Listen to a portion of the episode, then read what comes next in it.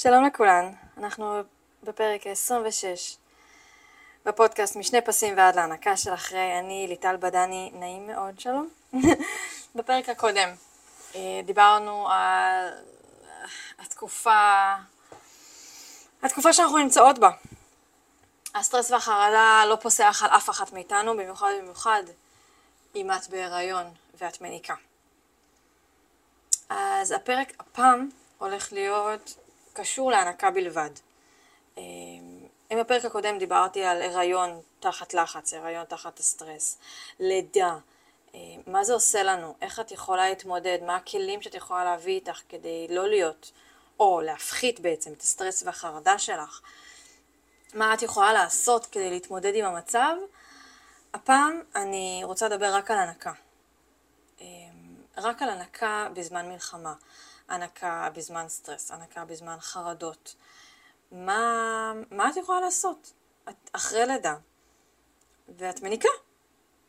זה משפיע על החלב, זה לא משפיע על החלב. מה? פתיח ואנחנו מתחילות.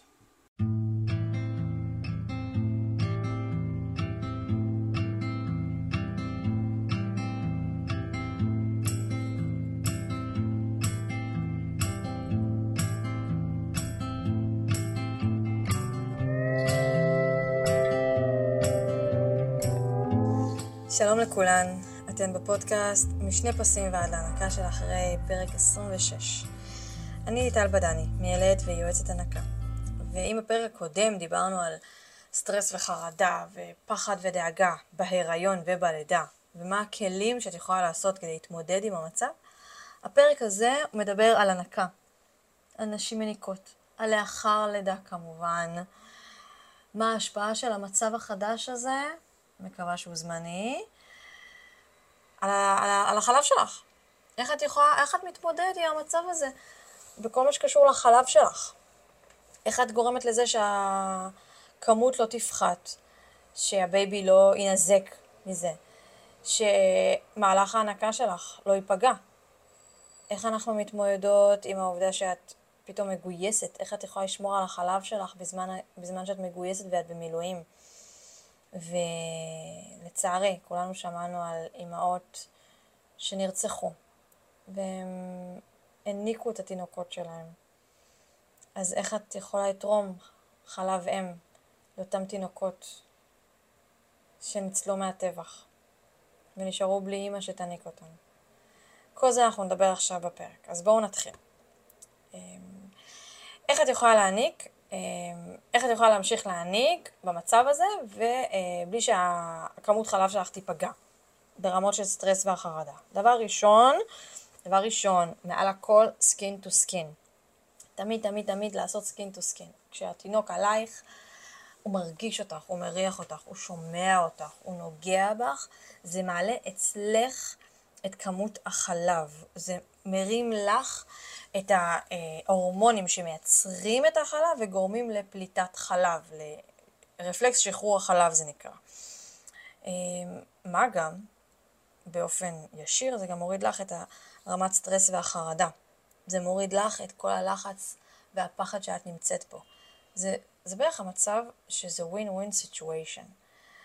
את מרוויחה, ה baby מרוויח, החלב שלך מרוויח, ניהול ההנקה מרוויח, כאילו אין מצב ש...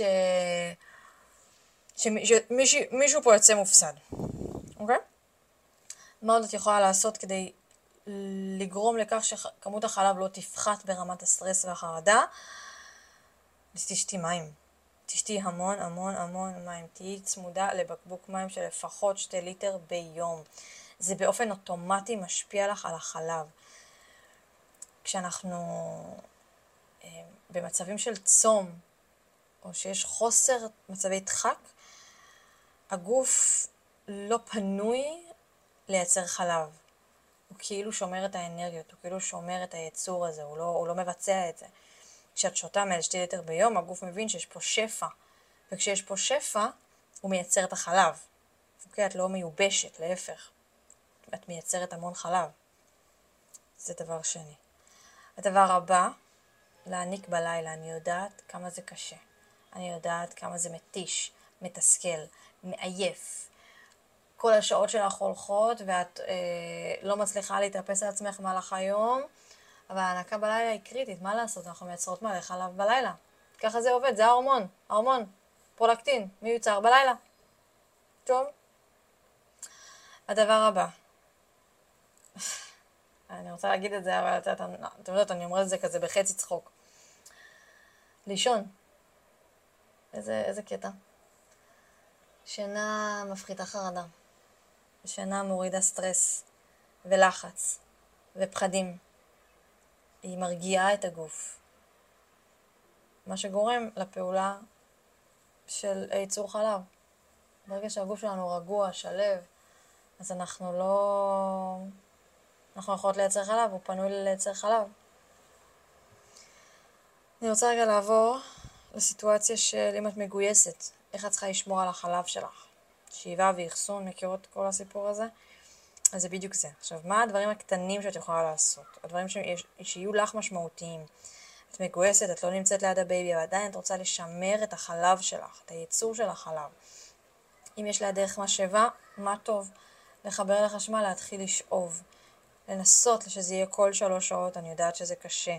אני אומרת את הדברים, אמ, אני אומרת את, ה, את, ה, את ההנחיות, תנסי למצוא את הזמן שאת מצליחה.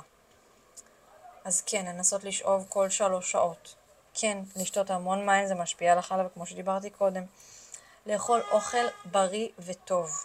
אוכל אה, מזין, כזה ש, אה, שהמינרלים, הוויטמינים, הנוגדנים בחלב שלך יהיו טובים, הוא יהיה בשפע, החלב באיכותו. הדבר הבא שאת יכולה לעשות כדי להגביר את הייצור חלב אה, על ידי שאיבות, זה לראות תמונה של התינוק. כשאנחנו רואות תמונה של התינוק שלנו, שהוא, שהוא בדיוק נולד, שאנחנו מחבקות אותו, שהוא יונק מאיתנו, תמונות שאנחנו הרי מצלמות מיליון ואחת תמונות בשעה הראשונה של החיים שלו, אז לראות התמונה הזאת עושה המון לנפש שלנו. ברגע שהנפש שלנו רואה משהו שהוא כל כך מרגש אותה, זה ישר מעורר אצלנו את היצור חלב. כמו גם חוש הריח.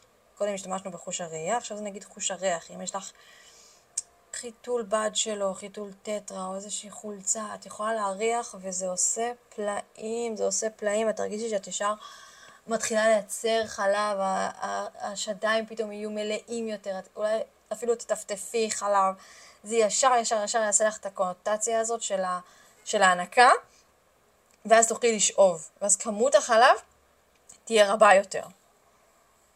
אוקיי, איך אנחנו מאחסנות את זה?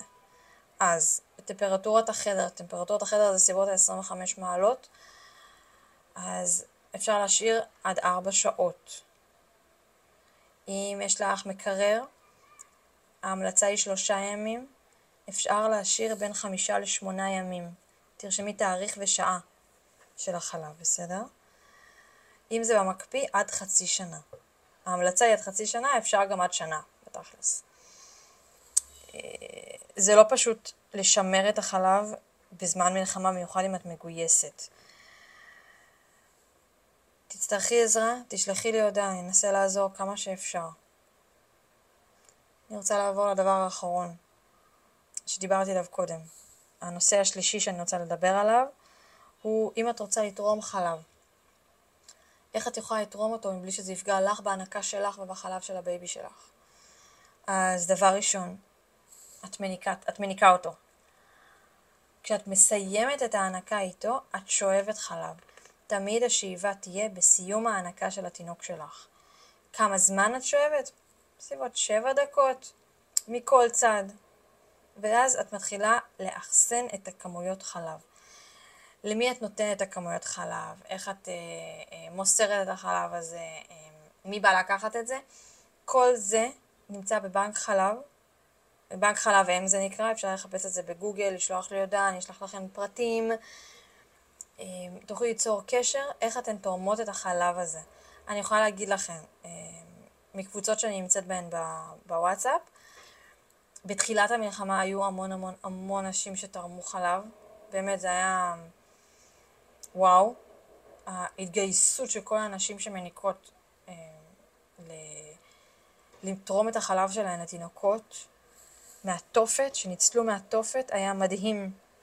עד לרמה אפילו, שבנק חלב אם אמר שלא צריך יותר תרומות. זה היה מדהים, מדהים לראות את זה. זה היה כל כך מרגש לקרוא את הידיעה הזאת. אמ, אני לא יודעת מה קורה עכשיו, אני חייבת להגיד, אני באמת לא יודעת, עבר מעל חודש, ואני לא יודעת מה קורה. אה, אז אם תרצו אה, אה, לברר ולשאול, תמיד מוזמנות לשלוח לי, אני אברר את זה מהקבוצות שאני נמצאת, או לחפש בגוגל. הפרק היום הוא פרק מאוד קצר, כי הוא מתומצת, הוא מדויק למי שמניקה.